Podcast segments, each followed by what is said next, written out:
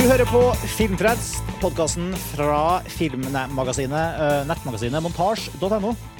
Eh, Vi eh, prater entusiastisk og livlig om film, som alltid. Eh, Og vi er en gjeng på fire mennesker her rundt det virtuelle Skype-rundbordet. Jeg heter Martin Sivertsen, og med meg her Lars Ole Kristiansen. Hallo, Lars Ole. Hei, Martin. Hallo, hallo. Eh, Kari Petronella Finstad. Hallo. Hallo. Og Tor Joakim Haga. God dag, god dag. Bonsoir. Eh, Det er altså nok en eh, retrospektiv Filmfrelst-episode, det her.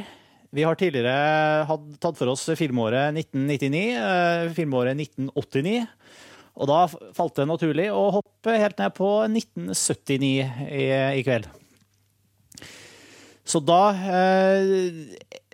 er liksom greia her, da, at vi, vi ser litt på Tidligere har vi snakka om hvor vi var og sånn i, i, i, i det filmåret vi har prata om.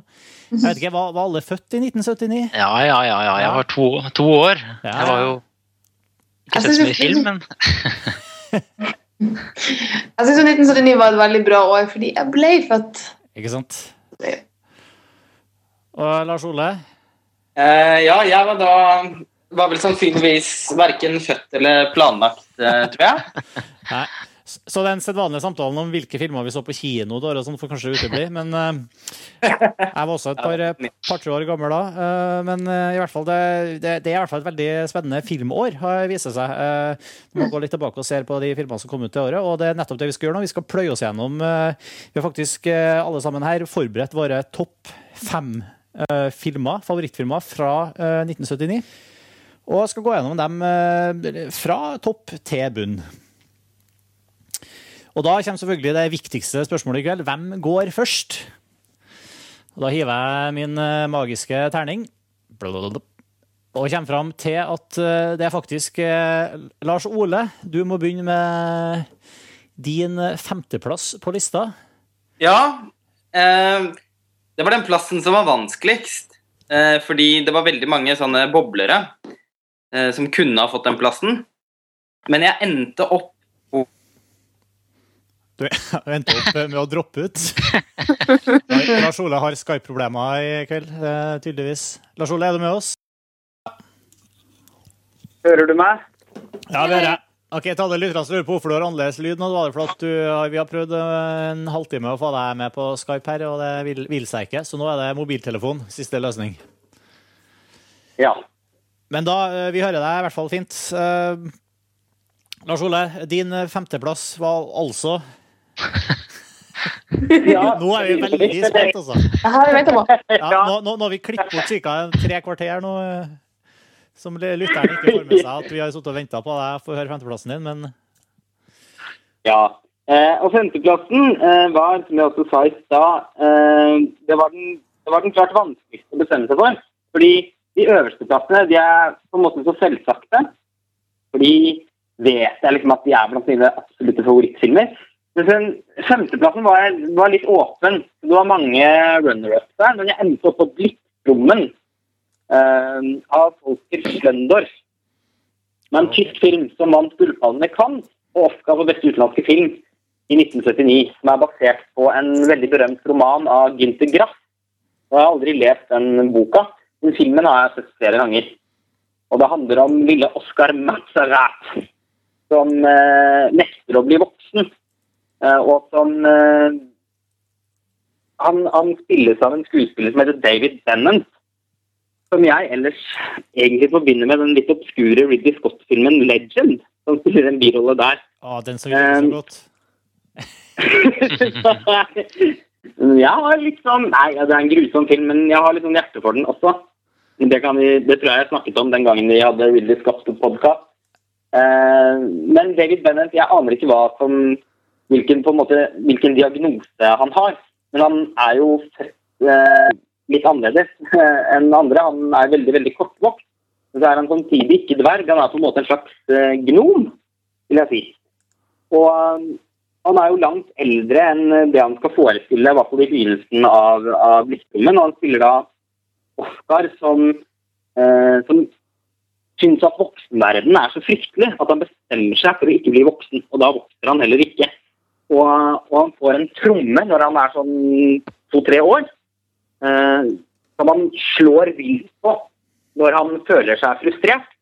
Og den eneste måten han på en måte kommuniserer med voksenverdenen på, det er å skrike. Og når Oskar Mazda skriker, så knuser vinduer og glass og alt mulig. Så de må hele tiden liksom sørge for at Oskar ikke skal skrike.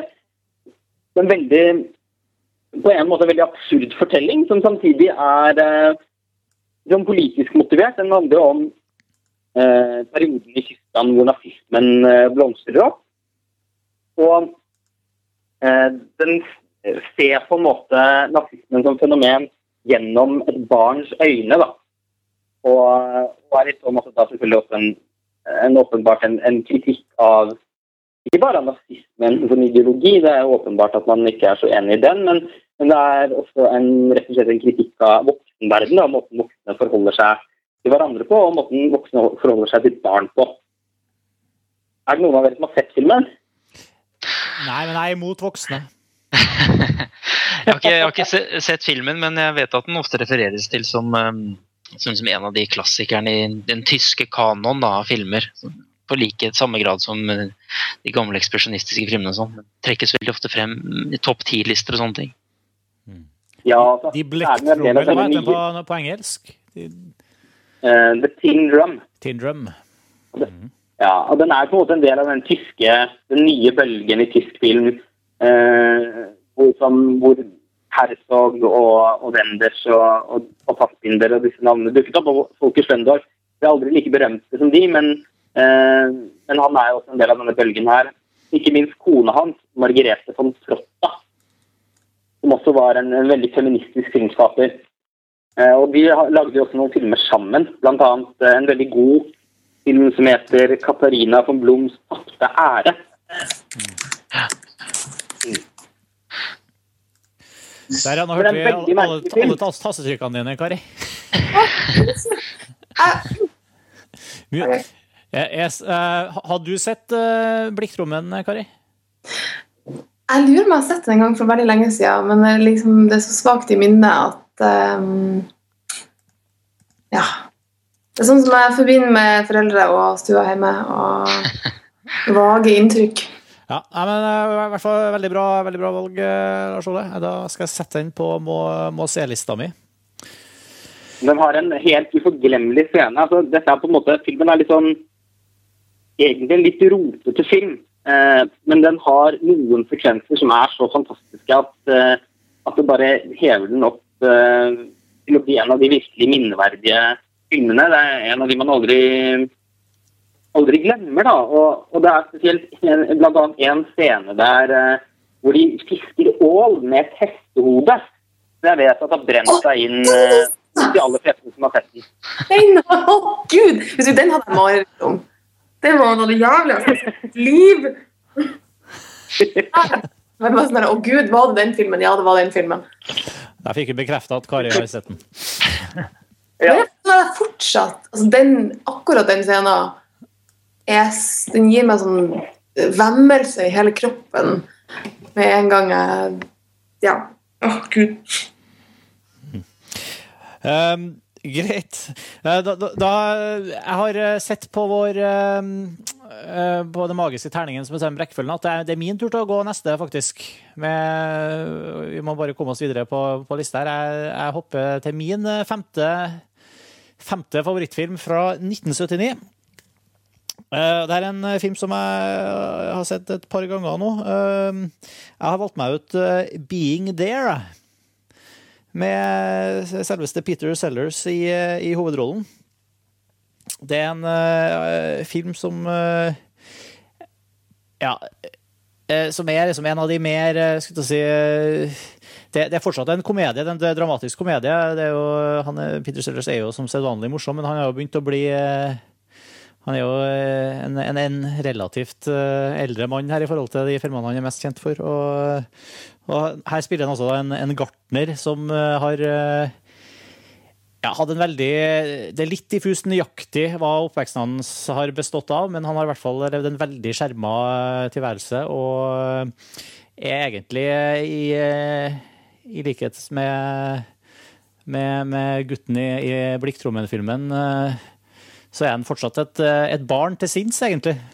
På mange måter. Når, selv om han eh, går rundt som en voksent eh, menneske og møter verden full av eh, Han blir liksom uh, Plutselig så slipper han løs fra det fengselet i Gåsøen av et hjem han har bodd i alle disse år, og så møter han verden med en barns naivitet og, og tilnærming. og gjør stor suksess, faktisk, både i de høyere sosiale kretser, i politikken og eh, i media og alt mulig. Det er en, meg, det er en veldig varm og god film, og den er egentlig en slags forløper, føler jeg, eh, til Forest Gump.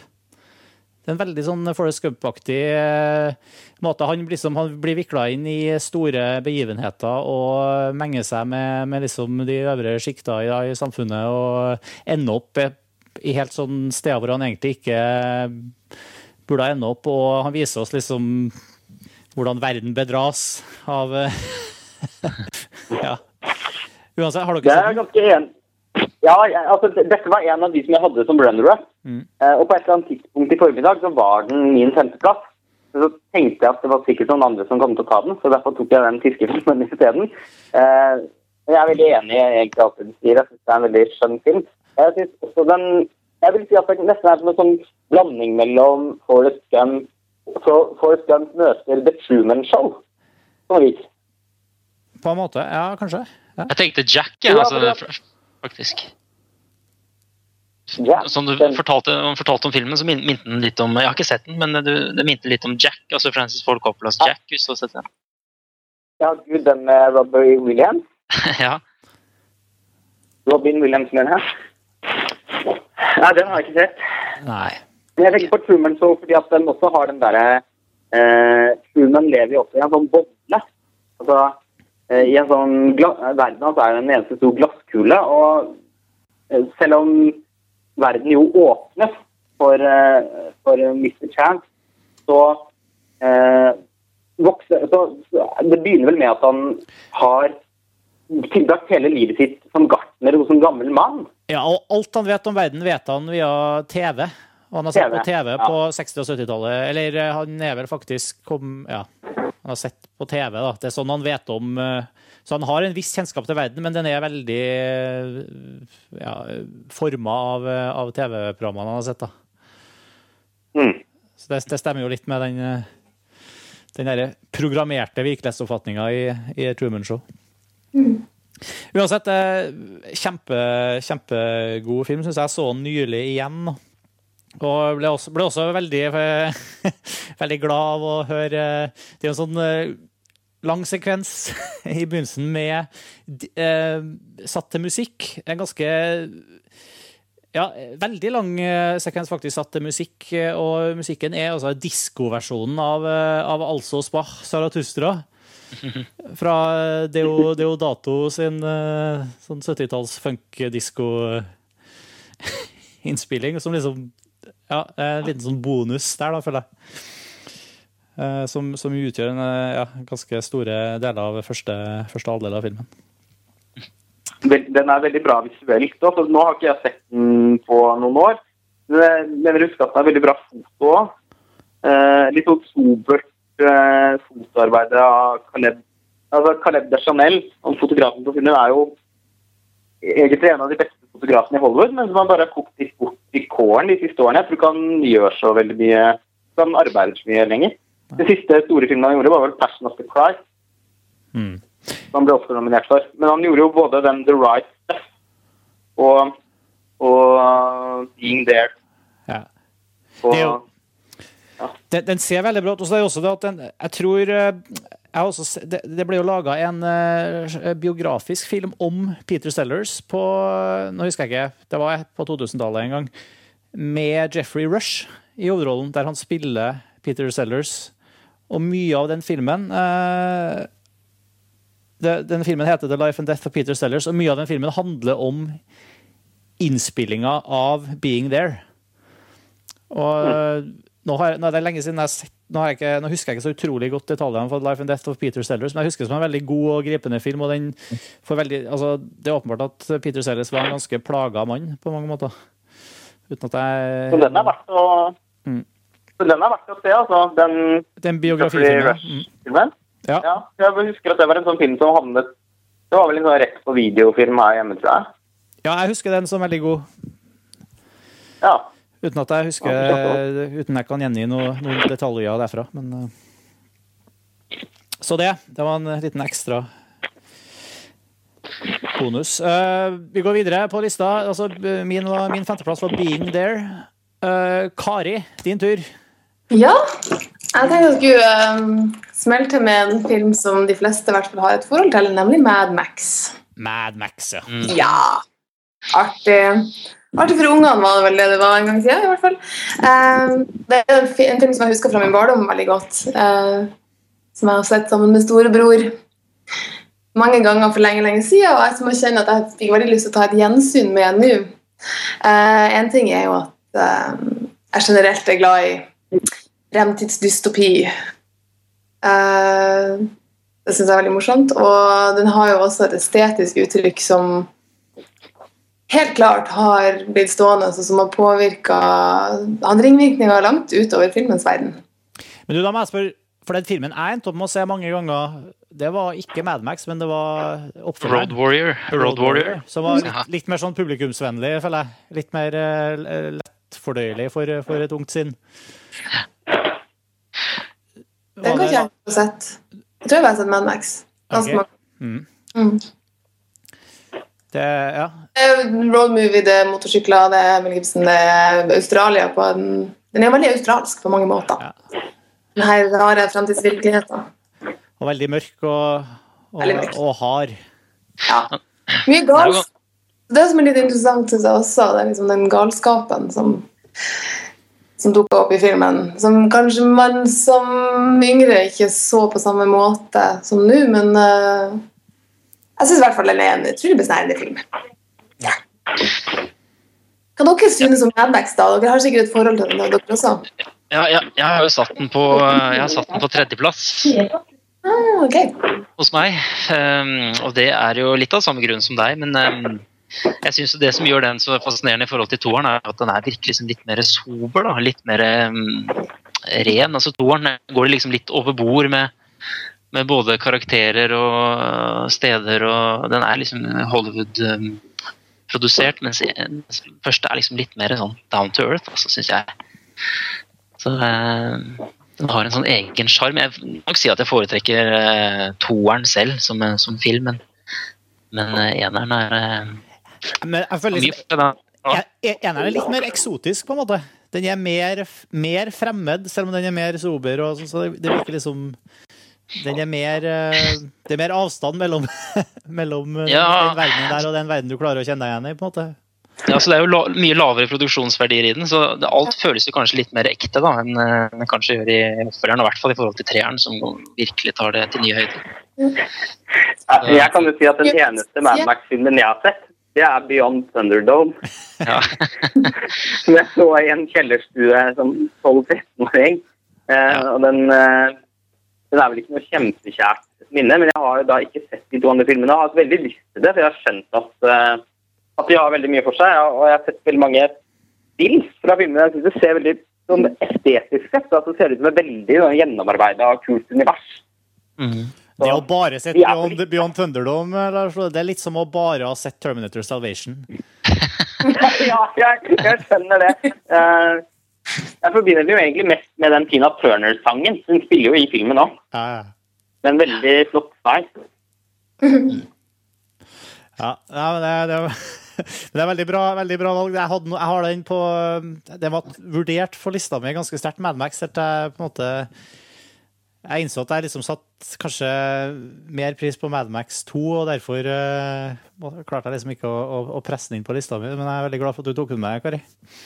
Det er, en, eh, det er jo en kjempefilm. Ja, og du kryssa på meg for nummer tre òg, for da har Ja. dekket den. Da, da, det, ja. da slipper du å ta den når vi kommer så langt. Men eh, Tor Joakim, du kan jo få røpe femteplassen din, da.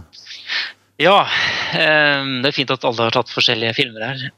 Og det, det gjelder jo også min femteplass. Eh, Som alle andre så har jeg slitt med sånne runner-ups. Eh, Selvfølgelig Femteplassen er den som, som er mest kamp om. Men jeg har nå falt ned på Tess eh, av Roman Polanski. Mm.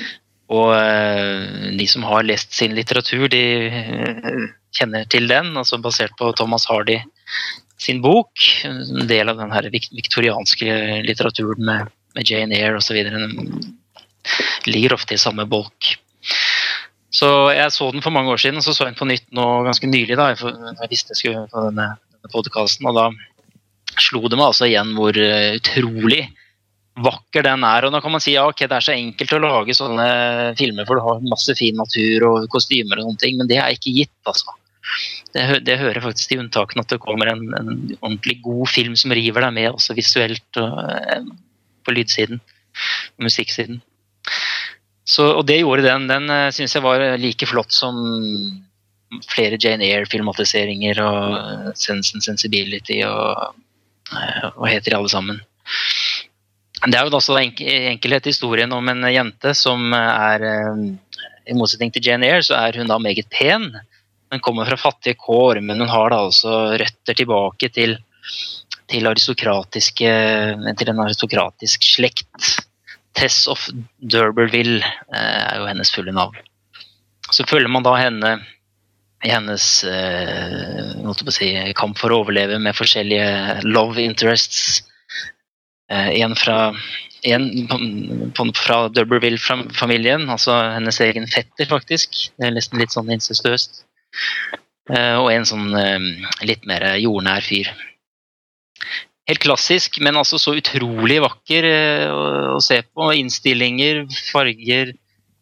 Eh, og den her dvelende Polanski-stilen, ikke sant, som, som det er. Natasha Kinski også som spiller Tess? Natasja Kinski, unnskyld, jeg glemte å si det, hun som spiller Tess. Mm. Um, og helt fantastisk. Ikke du? vond. Altså, hun er jo ikke vond å se på, hun heller. Nei, hun er kjempeflott både når hun er liksom fattig og sliten, og når hun er, når hun er liksom i, i, inne i stu, finstuen, da. Så den, eh, den syns jeg er knall. Det er også nydelig musikk av, eh, av Philip Sard også, som jeg må, også må trekke frem, da. Så det er min nummer fem. Er det noen som har sett den, eller? Jeg vet at det er noen Polanski-fans blant dere. så... Ja, jeg tror jeg for veldig Ja, lenge siden. Ja, jeg regner meg selv som en forholdsvis kniven Polanski-fan. Men uh, det er jo en, en skamplett da, at jeg faktisk aldri har sett uh, Test. Jeg begynte på den en gang, eh, men det ble liksom Jeg merket etter en halvtimes tid at det på en måte ikke var filmen for den kvelden. Jeg oppdaget vel også at den varer vel sånn to timer og 50 minutter eller noe sånt. Da. Ja, ja, gjør det.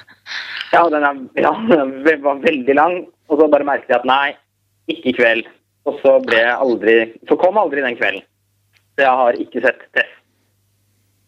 Men Ja, eh, må- ut ifra den halvtimedelen jeg så, så kan jeg i hvert fall bekrefte at den var ustyrtelig vakker. Ja.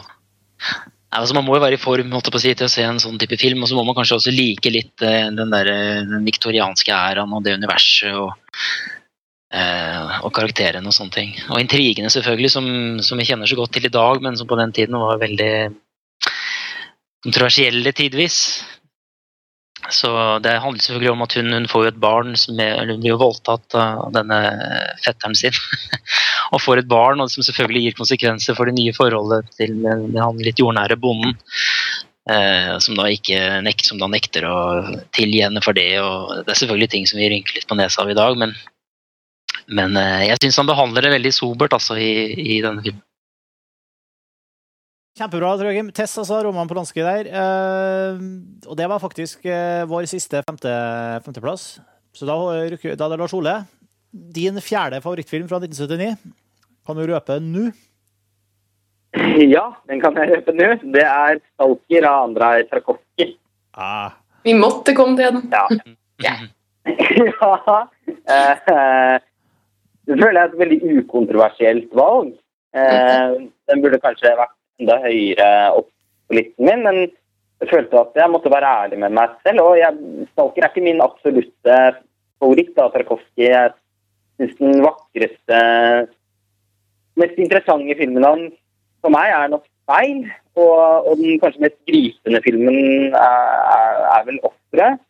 Men 'Stalker' er kanskje den filmen hvor han lykkes aller best i å skape et univers som er eh, fullstendig oppslukende. Det er jo en, en, en berusende film å se. Lang som et vondt år, den også, akkurat som Tels. Men, eh, men den er jo mer, den er nærmest mer en tilstand enn en filmfortelling. En, en av de mest hypnotiske filmene jeg noen gang har sett. Jeg har sett den flere ganger, og den har den, har den samme effekten hver gang. At man bare dykker helt inn i filmuniverset, og så, og så blir man der. Og Det er klart det er uendelig mange tolkningsmuligheter, eh, og, det har jo også blitt gjort endeløse forsøk på å analysere denne filmen. der, Men jeg syns først og fremst at den er en visuell og ikke minst audiovisuell opplevelse. Uh, en ting er at Tarkovskij er en av de største i filmhistorien til å lage bilder, men han er jo også en av de viktigste uh, med lyd. Filmen har et utrolig lydbilde og fantastisk musikk. og han Artemjev heter han vel, han, han komponisten Jeg husker ikke fornavnet hans. Han, han komponisten som har diskuterer filmer. Edvard Artemjev, ja. Det er en helt hjemsøkende vakker soundtrack. Det er dessverre ikke på Spotify, men det finnes på YouTube.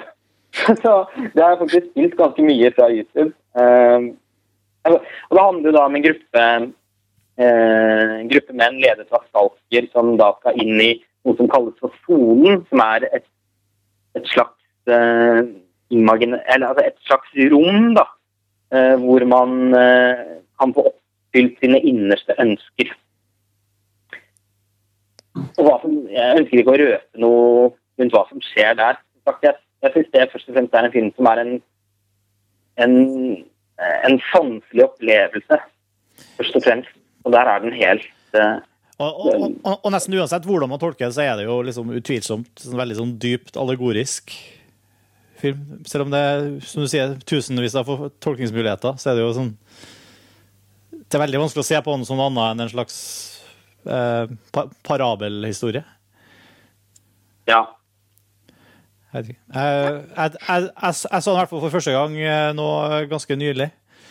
Og jeg er helt enig i alt, alt du sier, Lars Ole. Eh, og, og det, men, men, det er jo Jeg syns også den var veldig sånn Veldig fascinerende fra et rent sånn uh, uh, Ja, intellektuelt sett, da. Så var den liksom Den var så innbydende til å, til å sitte og til å, til å innby til, til, forskjellige måter å sitte og tolke og gruble over samtidig som den er så, så Jeg la ikke så kanskje beit meg så merke i, lydbildet som det, men han Jeg har jo sett veldig lite Tarkovskij, egentlig, men jeg, jeg, skjønner jo hva alle som mener og sier at han er så fantastisk til å komponere bilder.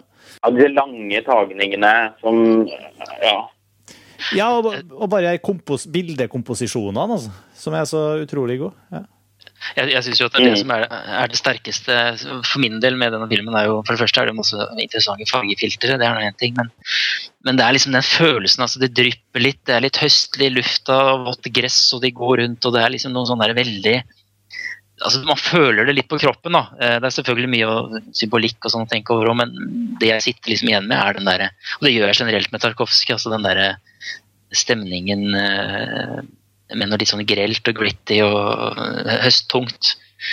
Så altså han, han, er en natur altså han er en naturpoet, egentlig, et uten sidestykke. Det er vel kanskje bare Terence Malick som kan, kan nærme seg. altså når, det, når vinden slår gjennom trærne eller blåser over uh, det fuktige gresset hos Tarkovskij, så er det rett og slett en veldig, veldig stor opplevelse. Mm faktisk på mange måter Veldig, veldig kroppslig filmer. Det kan høres ut som en merkelig ting å si, men han minner meg litt om Vesaas. Så dere skjønner hva jeg mener? Tarjei Vesaas? Ja. ja, ja. ja. I beskrivelse av natur. Men faktisk så ja. jeg komme med en innrømmelse. Det at Stalker er ikke på lista mi. Eh, og det er ikke fordi jeg ikke liker den. Men Det er jo litt for å kunne få lov å snakke om flere filmer, men faktisk fordi jeg ikke har sett hele. Så jeg bestemte meg for at da kan jeg ikke ha den på min liste.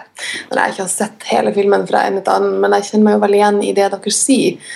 Og jeg setter også veldig pris på det som jeg setter veldig pris på det, de bruddstykkene jeg har sett. Eh, selvfølgelig sett en del i filmskolesammenheng, og fordi det er så mye å ta tak i.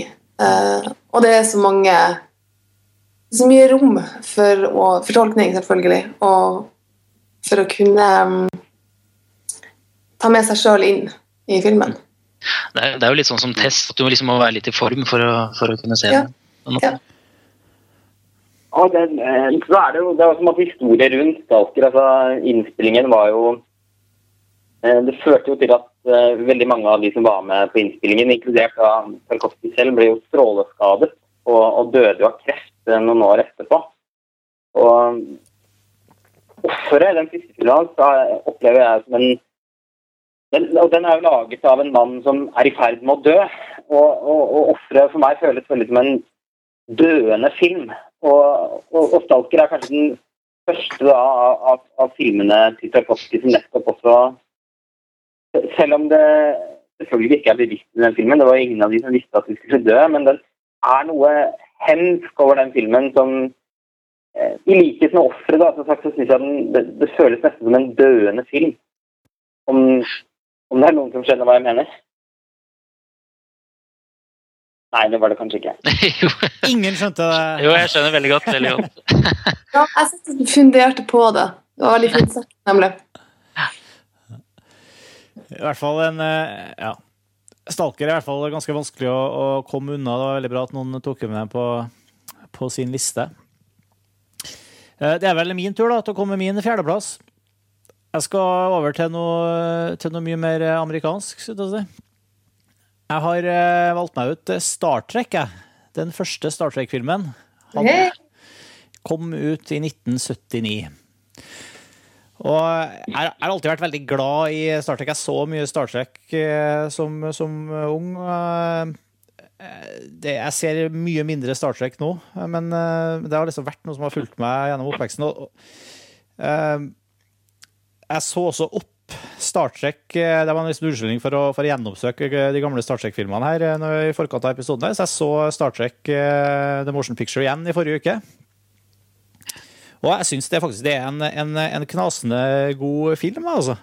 Er, og jeg innser nå at mange regner um, The Wrath of Khan, som den, eh, altså Star Trek 2, som den beste filmen, som kom i 1982. Men, men jeg har faktisk Star Trek, eh, den første Star Trek-filmen som min eh, favoritt-Star Trek-film også. Og den er ganske sånn På mange måter så, så slår det meg at den er eh, Den slekter veldig på, på 2001, eh, til Kubriks 2001. Den er liksom en slags sånn eh, vulgarisert vulgær 2001-versjon. Den har veldig mye Den stjeler veldig mye kameratagninger og liksom litt sånn stemninger og sånt. Men samtidig som den, den, den gir oss det blanda med sjarmen for de som er inne i Star Trek, altså med, med Star Trek-karakterene. Og den har en litt sånn eh, episk sjung s- s- over handlingsforløpet. Og, og det, hele tatt, det er en ganske sånn eh, ja, Jeg syns det er en ganske mektig film. da.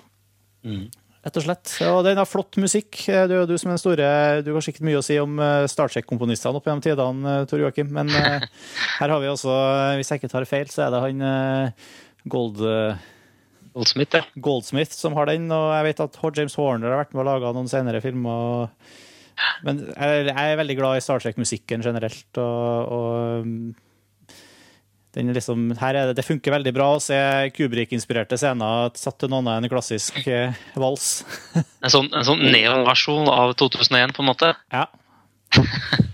Har du, har du sett eh, Du har selvfølgelig sett Star Trek? Jeg, Ja, jeg, eh, altså, jeg, er jo- jeg er jo kjempestor eh, science fiction-fan. Det vet vel de fleste som leser det jeg skriver på montasje. Men, men akkurat, akkurat Star Trek faktisk, så har jeg, er jeg ikke sånn kjempefan sånn som deg, eh, Martin. Faktisk. Nei, jeg er ikke Jeg har- kjempefan, heller. jeg skal ikke skryte på meg det, men jeg har sett mye Star Trek. da. Ja. Ja. Altså, jeg har også sett, jeg har sett alle filmene, og Next Generation så jeg mye, husker jeg, og sånne ting. Men, men, jeg, men jeg er faktisk enig med deg, da, at den første er, er bra. Det er mange som, som sier at den er for langsom, og det er ikke noen sånne action set pieces, sånn som toeren og treeren osv. har. Men jeg syns det er det som gjør den så vakker, da, at det er disse lange tagningene av romskipet som svever av gårde. Og så er det noen sånne rare menn i oransje romdrakter som svever stadig vekk. I løpet av hele filmen så svever disse oransje menneskene rundt omkring. Um, masse lys, og så selvfølgelig musikken til Jerry Goldsmith som får lov til å bygge seg opp et helt tema fra start til mål. Sånn at, uh, og jeg liker å se film som ikke bare handler om å fortelle spennende historier, men, men også veldig det audiovisuelle. Og der får du det, tror jeg, bøtter og spann i to, Er det to timer den varer? Noe sånt? Ja, du, du får mye mer av det her enn du får i alle andre Star Trek-filmene. i hvert fall. Den er, Ja, den er mye mer dvelende. Den har liksom, som du sier, lang Og du får liksom eh, Særlig, ja, Det er veldig mange sånne lange tagninger da, med, bare satt til musikk, hvor du skal liksom bare ta inn over deg storheten av det hele. Det, ja. Tenk, tenk f.eks. på docking-sekvensen når Enterprise også legger, legger til, heter det, til land? Nei, til, eh, til tørrdokk. til tørrdokk, heter det. Nei, ja, det, ja, men det, i, I starten så er det så kommer de til Enterprise, og skal, da skal liksom Enterprise ut og fly for uh, Ut og fly, se, ut og legge ut på tokt liksom, eh, etter å ha ligget til, til reparasjon eller oppussing eller hva det er for noe på veldig lenge. Liksom, og da er det en Ja, de, bruker, de tar seg skikkelig god tid da, med å etablere hvor, hvor fantastisk fascinerende det romskipet er, og hvor, hvor flott det er, og hvor uh, Ja, hvor, hvor flotte effekter de har klart å lage og sånne ting. Det er klart de skal vise, vise frem det. Du kan jo bare tenke deg hvordan det ville, altså, hvordan det ville vært hvis du skulle laget en lignende scene i dag. Altså, folk vil jo kjeda ræva av seg, ikke sant? ja. Og det var det JJ Abrams gjorde, selvfølgelig.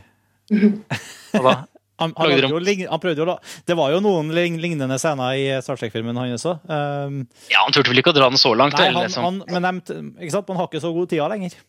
Nei.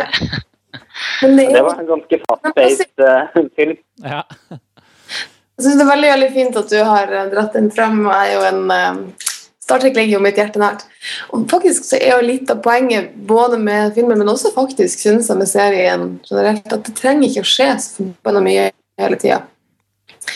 Det er jo litt det jeg liker ved Star Trek. Eh, Det er det at det dveler dveler ved ting, og at man faktisk kan altså Det er nesten noe meditativt med å se på Star Trek. Det er veldig fint. Det er liksom det, er too boldly, det er liksom utforskergleden av det. Mm. Yes. Så det var min fjerdeplass. Star Trek. Um, selvfølgelig det er Gene Roddenberry som, som står bak hele Star Trek-konseptet. Uh, regissøren er vel uh, Ro- Ikke Robert Wise, men Robert Wise, Robert er det? Wise. Jo, det Jo, det er Robert Wise. Jo, det er det. Mm, mm. Men det er han eh, science, mens eh, historien her er det han eh, science fiction-forfatteren som har eh, Alan Dean Foster som, som har skrevet. Eller i hvert fall skrevet mye. Og han har også vært involvert i, i Star Wars og, og mye rart. Så det, det it's, it's good shit. OK. Kari, din fjerdeplass. Ja, jeg vurderte jo om jeg skulle ha Star Trek på lista, men eh, den valgte jeg ut til fordel for eh, Werner Herzog sin Nosferatu. Phantom of the, of the Night, faktisk. faktisk. Nosferatu. Eh, Jeg er jo veldig veldig glad i originalen eh, sånn opprinnelig, men jeg, liker også Werner Herzog sin variant med en annen Kinski. Ikke Natasha, men Klaus. Eh, og apropos landskapsbilder Så Så er det på en måte veldig befriende å kunne nyte en en horrorfilm som også har vakre landskaper, satt av vakker musikk, med skyformasjoner som man dveler ved, med vann, fossefall. Og selvfølgelig med Så synes jeg jo Nosferatu-karakteren, altså, gjort av Klaus, altså, Klaus Kinski, er veldig fantastisk i den filmen, syns jeg. Og det er jo kanskje en film som eh, er litt elska og hata, tror jeg. Kanskje en del fans av den gamle Nosferatu ikke liker den. jeg vet ikke. Hva er deres syn på den saken? Den er strålende. Ja. Eh, en av Herzogs er jeg synes det, da. Ja. Eh, nei, jeg liker også Molino-originalen veldig godt, men jeg, jeg, jeg har nok eh, nesten større hjerte for Herzog sin, eh, sin versjon. Jeg syns den er fantastisk stemningsfull. Ja. Utrolig god, god rolle av Kinski, som alltid. Han er jo så eksentrisk og har et så værbitt og, og spennende ansikt, så man blir jo bare sittende og stirre på han. Og, og da ikke bare han, men også Isabel Adjani, som spiller hun eh, Hva er det hun Jeg husker ikke hva hun heter. Lucy, er det Nei. Nei Lucy? um, er Dæven, så det stilt her. Um, Ja, så Gi hvert øyeblikk. I hvert fall den kvinnen, den kvinnelige hovedrollen, i hvert fall hun nå har jo et blikk Lucy som Harper. eh, Ja, det er Lucy, ja. Mm. Ja. Hun har også et blikk som eh, Som altså tåler å stå ved siden av Kinski, da. Det er det jo ikke så mange som, som gjør. Og det er sånn utrolig sånn forpesta stemning over hele den filmen som eh, Som jeg aldri har, eh, har glemt. Nei, nei, det som jeg syns Jeg er enig med deg i det. Jeg syns Kinski er så, så sær, så eksentrisk og så spennende i seg sjøl, og en del av og det som bærer filmen. Men, jeg syns ordet forhekselse beskriver det veldig godt. At det ligger en sånn stemning som man bare entrer inn i. Uh, som veldig få andre klarer å skape.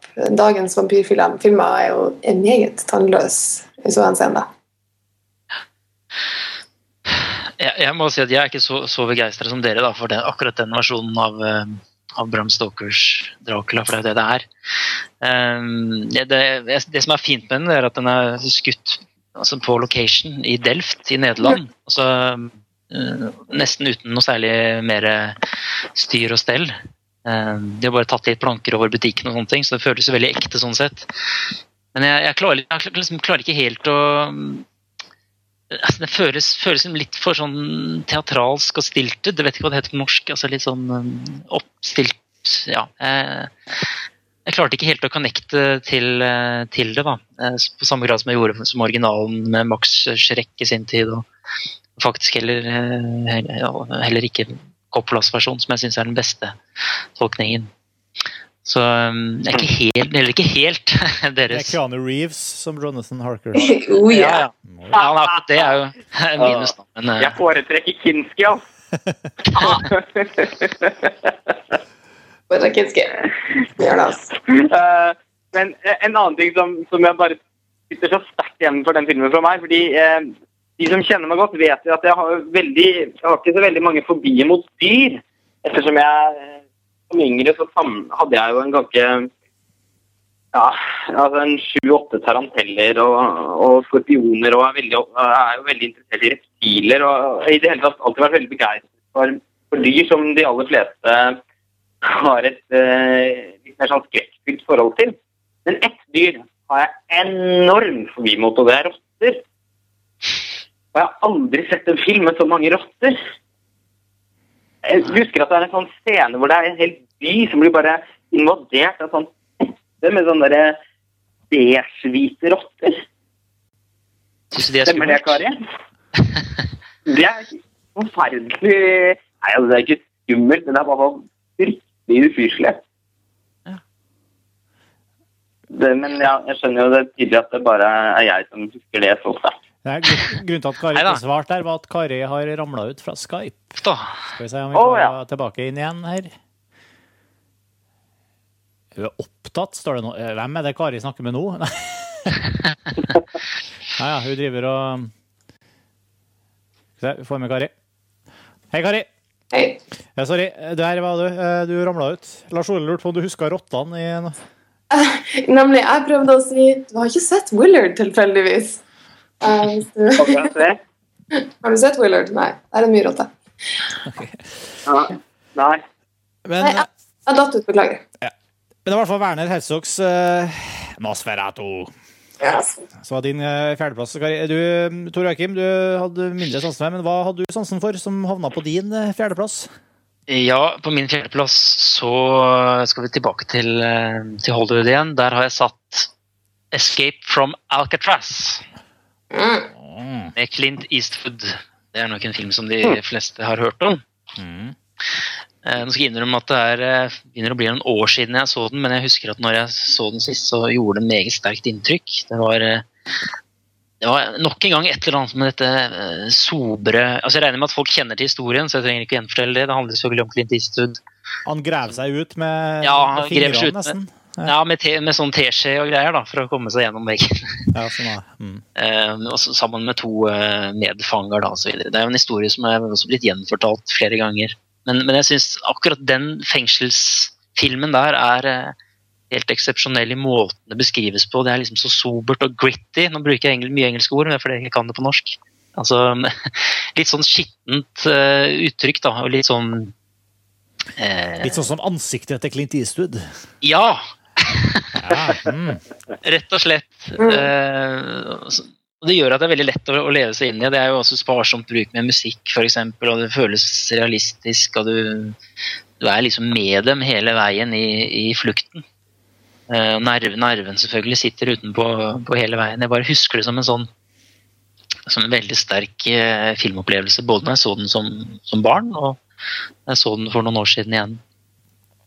Um, det, er en, eh, det er min nummer fire.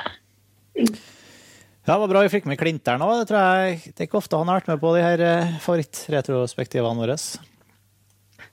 Det er veldig, det er, jeg er enig i mye av det du sier. Jeg har sett den kanskje ikke like høyt som det du gjør, men jeg syns det er en veldig god film. Og han, Don Siegel har et veldig sånn, sånn økonomisk filmspråk som gjør som sier, at den blir veldig sånn nøktern og litt sånn sober. Da. Den er på en måte Fordi fortellingen kunne jo lett blitt The Shawshank Redemption.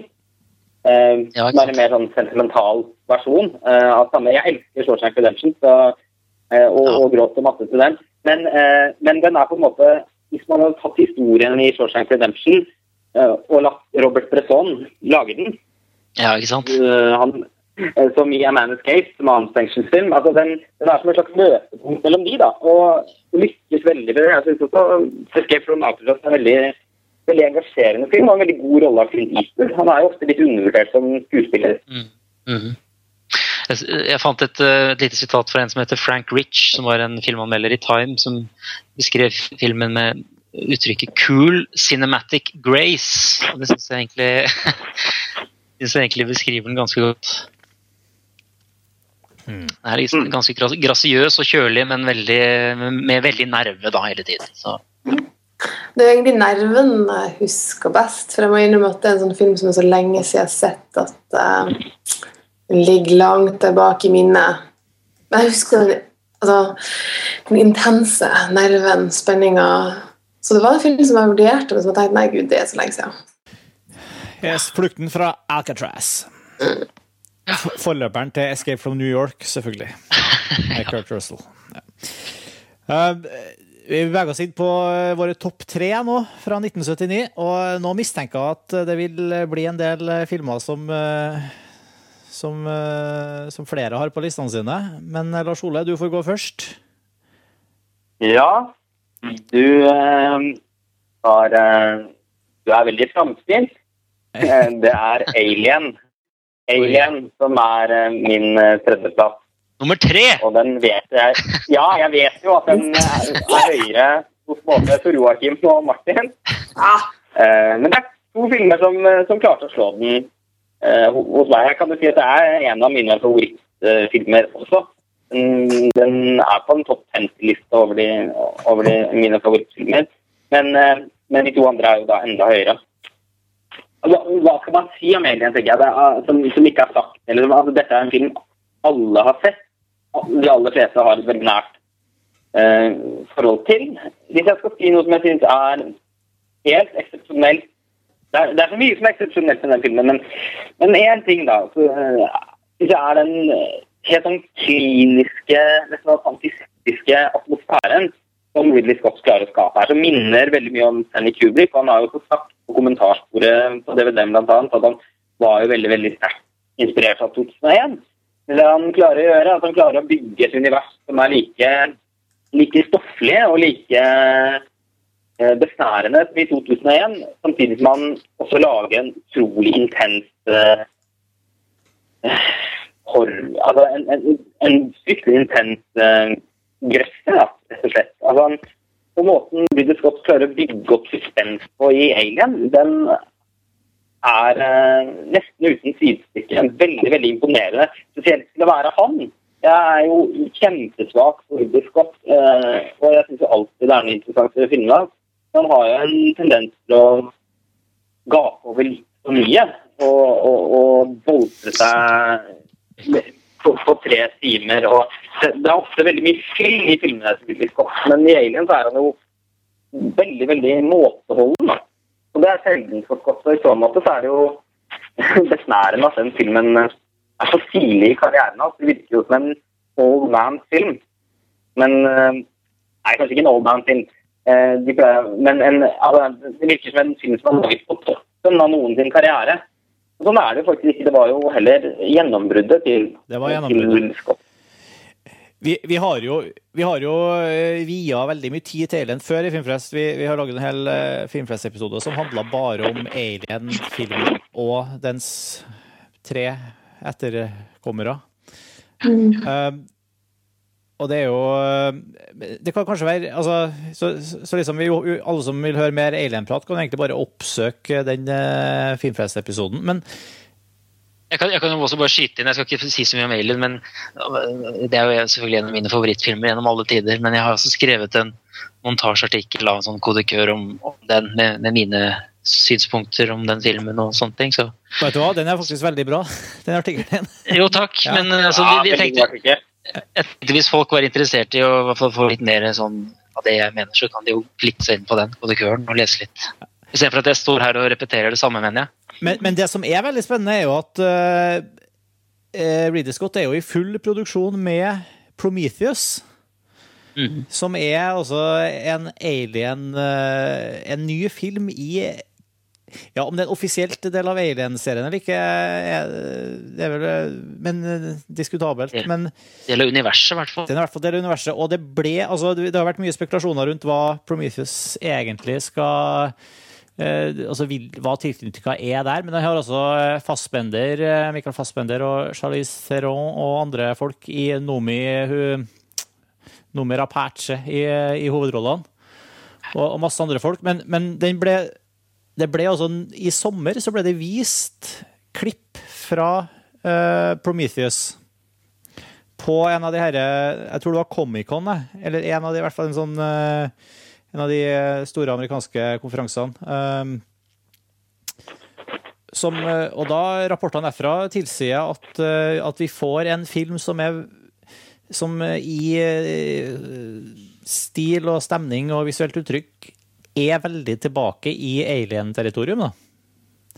Og det, det høres veldig oppløftende ut. Ja, det gleder vi oss til. Ja.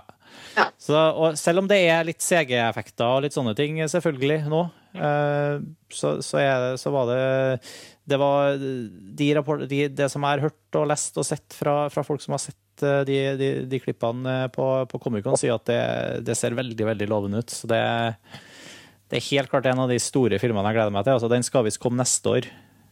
Ja, den, den, den gjør vi sikkert en podkast på da. ikke sant? Når den kommer. Helt sikkert. Så det, ja. Ellers oppsøk vår Alien-dedikerte Firfrest-episode, som sagt. OK, eh, det var Lars Ole sin tredjeplass. Fantastisk film. Helt, helt strålende. Ja. Min eh, tredjeplass er også en film som jeg tror flere har eh, rangert eh, som er umulig å komme unna når man snakker 1979. Jeg har satt eh, Apokalypse nå på, på tredjeplass. Ja, Som er altså eh, Ja, nok en film som needs no introduction. Nei. Eh, Men altså Francis Ford Coppola sin, sin Vietnam-film, i hvert fall. Eh, Det er egentlig Det er nesten litt sånn motvillig at jeg bare det er liksom, Jeg kan ikke unngå han på lista, for jeg, det, det er en, eh, den er like fengslende hver gang jeg ser den filmen. Og hver gang jeg etterpå tenker jeg sånn Ja, er, det egentlig en så god film? Liksom, det er jo så mange filmer som, er, som har lignende tema, men det er egentlig ikke det. Altså, den er ganske unik, og, og den har en helt sånn eh, Ja, på så mange måter så er den eh, Jeg føler at det er et sånt sug og en stemning og en eh, Altså, du, du beveger deg bare liksom dypere og dypere inn i, i galskapen, og det er på en måte en slags det er en film som, som handler om, om så mange ting, da, føler jeg. Og, og er så flott å se på og har så mye gående for seg at, eh, at den kan på en måte Selv om den er Ja, den er kanskje vanskelig å se Jeg, jeg, jeg setter egentlig mer pris på første halvdel av filmen enn andre halvdel av filmen etter gjentatte visninger, egentlig, eh, innser jeg. Men eh, likevel, det er en film jeg, jeg gjerne ser igjen og igjen. Da.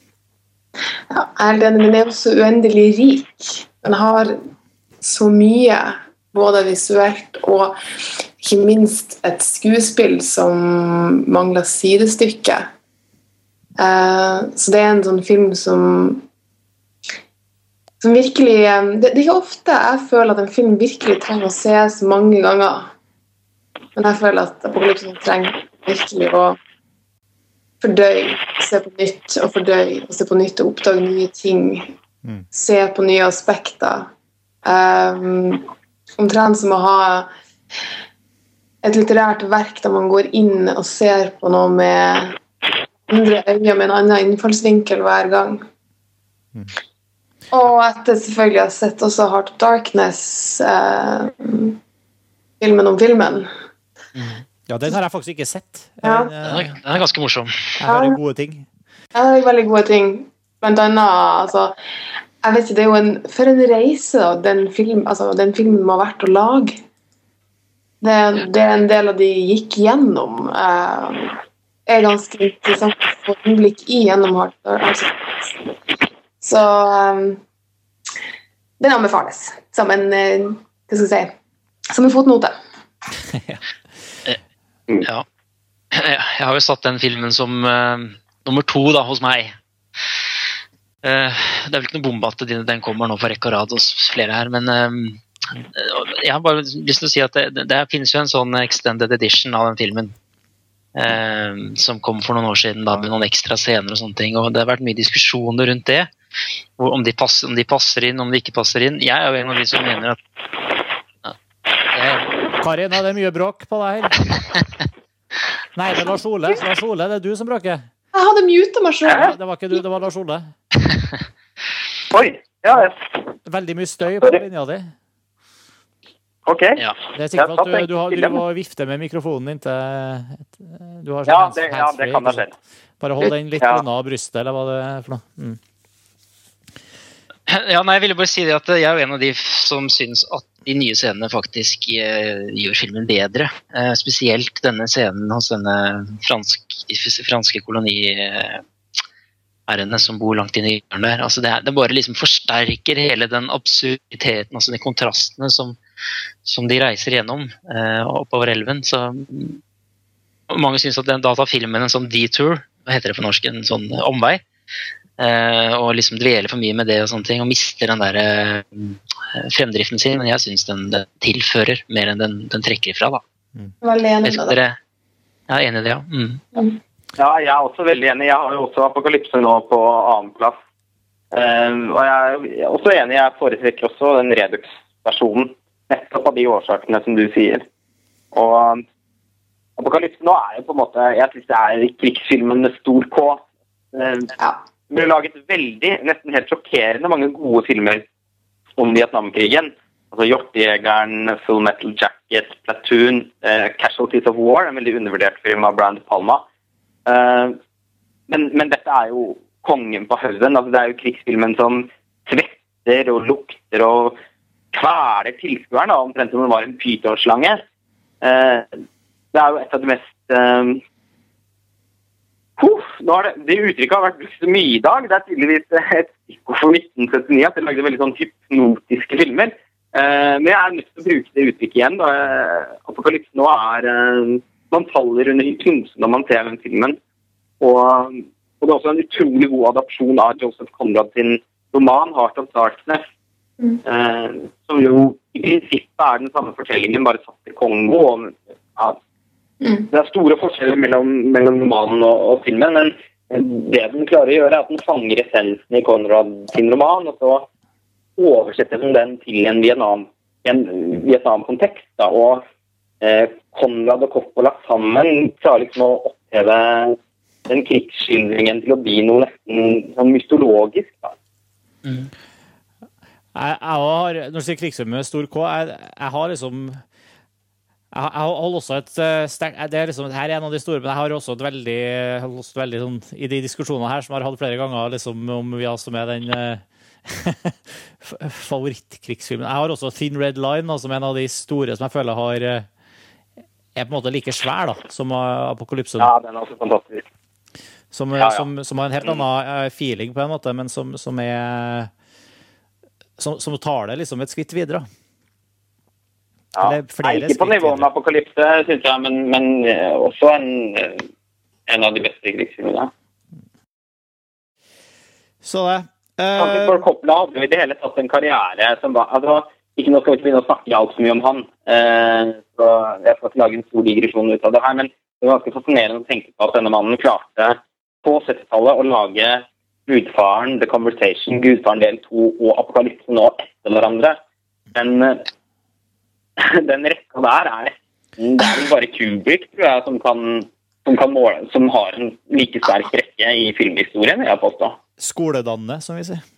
Ja, helt klart. Ja, det er helt, helt crazy. Tenk å være så talentfull og, og så tenke så dypt som han Eller ja, i hvert fall tidvis gjorde etterpå. Ja, han kan ikke bare Nei, men herregud, det, man kan ikke bare Når man er så produ... Altså Ridley Scott har sine nedturer, han òg. Ja, ja. Ja, det, det er lov. Kari, din, eh, din tredjeplass. Ja, nå over til noe helt annet. Life of Brian. Now for something completely different. ja, det Ja, riktig, riktig overgang. Mm. Ja, nå er jo hjernen min så langt inne i både ja, i apokalypsen å snakke om Brian. Apropos apokalypse. Um, nei, den er fryktelig morsom. Jeg er veldig glad i Monty Python. Um, og jeg synes vel strengt tatt at uh, Life of Brian er min store favoritt. Ikke bare fordi at den var så morsom at den ble forbudt i Norge, som jo den til og med ble markedsført med. Fordi den var vel bannlyst her ganske lenge, var den ikke det? Det hadde ingenting med min uh, forlystelse og fornøyelse over å se den filmen å gjøre. Men eh, Nei, jeg syns det er litt artig at uh, ja. den faktisk blir bannlyst her i landet. det er godt gjort å bli, være så morsom at man blir bannlyst. Ja. Så nei, det er jo en fantastisk gjenfortelling. Um, og Gjenfortelling. Veldig rik, kan man si. Uh, jeg vil tro at det er en film de fleste har sett. Eller håpe det, i hvert fall. Ikke så burde man jo bare kaste seg over den hvis man har lyst til å se noe morsomt. En del av populærkulturen å se den, syns jeg. Jeg føler det er like allmenndannende det som å se Apokalypse nå og Alien. ikke? Ja, ja. Og det er faktisk en film som kan ses igjen og igjen og igjen. Å ja, helt klart. I likhet med for så vidt eh, The Holy Grail, men, men, eh, men eh, The Life of Brian har liksom den lille ekstra stikkende Snert. snerten som gjør den liksom til Jeg er helt enig den, den beste Monty Python-filmen. Og en, Og det var det hypnotisk vi Nei. den er helt hypnotisk. Men jeg syns egentlig den, den, føles, altså, den føles mer som en film, altså som er designa som en film. Mens en del av de andre filmene er jo litt mer sånn sammensatt av diverse sketsjer. og de har jo Ja. selv sagt også i intervjuer, at, at akkurat den føles uh, konstruert og designa og planlagt, liksom. Fra start til mål. Eh, Lars Ole, nå må du slutte å eh, kose med mikrofonen din. Slutt å tafse på mikken her. Ja. Var mikken eh, kødda den igjen? Ja, ja. Nei. Kanskje jeg skal feste den klypa litt annerledes. Akkurat når Tor Joakim eh, argumenterte for at Life of Brian er den eneste eh, sammenhengende Monty Python-filmen. Det Jeg tror, vet du hva, vent litt. Jeg tror når jeg gestikulerer Eller jeg sitter og forbereder meg på noe sånt. La- Lars Ole er faktisk så ivrig at han gestikulerer selv når han ikke prater. Det syns jeg er ganske bra. Jeg vet hva, jeg skal prøve å skjerpe meg med den. Ja. Skal jeg si hva jeg syns om Lars Ole da, eller? Ja. Ja. Ja. ja jeg syns ikke den er så morsom, jeg. Nei, OK. Da går vi videre. Um, Greit. Nei, jeg husker jeg så den for første gang, men sånn Den var, var jo liksom en sånn voldsom størrelse, den filmen. Eh, det var på videregående. Jeg kjøpte den på DVD. Jeg ble gitt ut i den grusomme SME-utgaven. Men jeg kjøpte Ville se den filmen for første gang. Jeg, det var en veldig ujevn ujevn film. Den hadde jo selvfølgelig noen øyeblikk som var morsomme, men jeg aldri har prøvd å se en siden nå. Jeg har aldri helt skjønt greia med den. Jeg setter pris på andre. Jeg synes jo i motsetning til det dere beskriver, da, så syns jeg Monty Python er klart best når de lager sketsjer. Jeg syns jo den beste filmen deres er The Meaning of Life. Det synes jeg er helt hysterisk morsomt. Men Life of Brian Det er jo ingen tvil om at de er morsomme. Det er veldig sketsjer. overvurdert. Det er det ingen som har sagt. Ja, nei, det, er, det er forskjell på det at det er morsom og også være liksom en helhetlig film, da, hvis man skal bruke det som et kriterium. Jeg er også enig i at Meaning, Meaning of Life er mer morsomme, fordi sketsjene er morsomme. Men jeg syns Ja, er Life of Brian ja, jeg synes Life of Brian føles mer som en, en film. Liksom mer dramaturgi og med ja, gjennomtenkt uh, manus, da. Det er fint. Da kan vi fall konkludere med at Life Brian er morsom, og den er en film. Ja, jo, men jeg, og jeg, for så vidt, jeg skjønner poenget deres, da, at at det er i mye større grad en filmfortelling, men eh, der er jeg på en måte usikker på hvor god er den som filmfortelling. Da. Det er der jeg, jeg, jeg syns de er mye morsommere på sketsjnivå, rett og slett. Jeg vet at jeg er veldig alene om å synes det. Altså. Og jeg er ikke noen sånn stor Monty Python-kjenner, så jeg, jeg skal være ydmyk og si at eh, jeg tar sikkert feil. Nei da, det er ikke noe feil. Det, det er ikke noe feil her. Åh. Det er lov. jo da. Ok, da, du tar feil, helt feil. Selv om du tar Ja. helt feil, så er det helt lov. ja. Ja, nei, men det er veldig, veldig bra valg der, Kari. Um, Takk, takk. Den er jo selvfølgelig ikke på nivå med de eh, to neste filmene på lista, som vi allerede har snakka om. Så eh, jeg satt Life of Blind på andreplass, jeg, så jeg, ja, mm. jeg, jeg rater den faktisk høyere enn Apokalypse nå, faktisk, tydeligvis. Det, det sier jo sitt. Mm. Nå begynner, nå begynner i hvert fall han å gestikulere der borte, tror jeg. Han eh, Kristiansen. Kristiansen, ja. Nei da, men alt er lov her, vet du. Ikke Ja. noe problem det, Martin. Det er mer sånn, Skulle jeg tatt meg en av de to filmene på Nedøy, så hadde det vært Life of Brian. Ja. OK. Um, da er det faktisk uh, Tor Joakim. ja, men vi har allerede snakket om min nummer tre, og det Ja, det er mm. Mad Max. Det var Mad Max. Det var det. Så da, Lars Ole, da får du til anledning til å Du hadde faktisk Apokalypse nå, du, på andreplass. ja. Den har vi også snakket om. Det her freser vi gjennom, altså. Det er jo helt uh, We're making headway. Vil jeg bare spesifisere for de som kanskje lurte i forhold til det her med Heart of Darkness og Hearts of Darkness. Um, Hearts of Darkness. ja. Hard. Det er sånn Didrik-uttale. Hearts, Pornoversjonen, ja. Ja. Ja, det hørtes ut som pornoversjonen. Hearts of Darkness.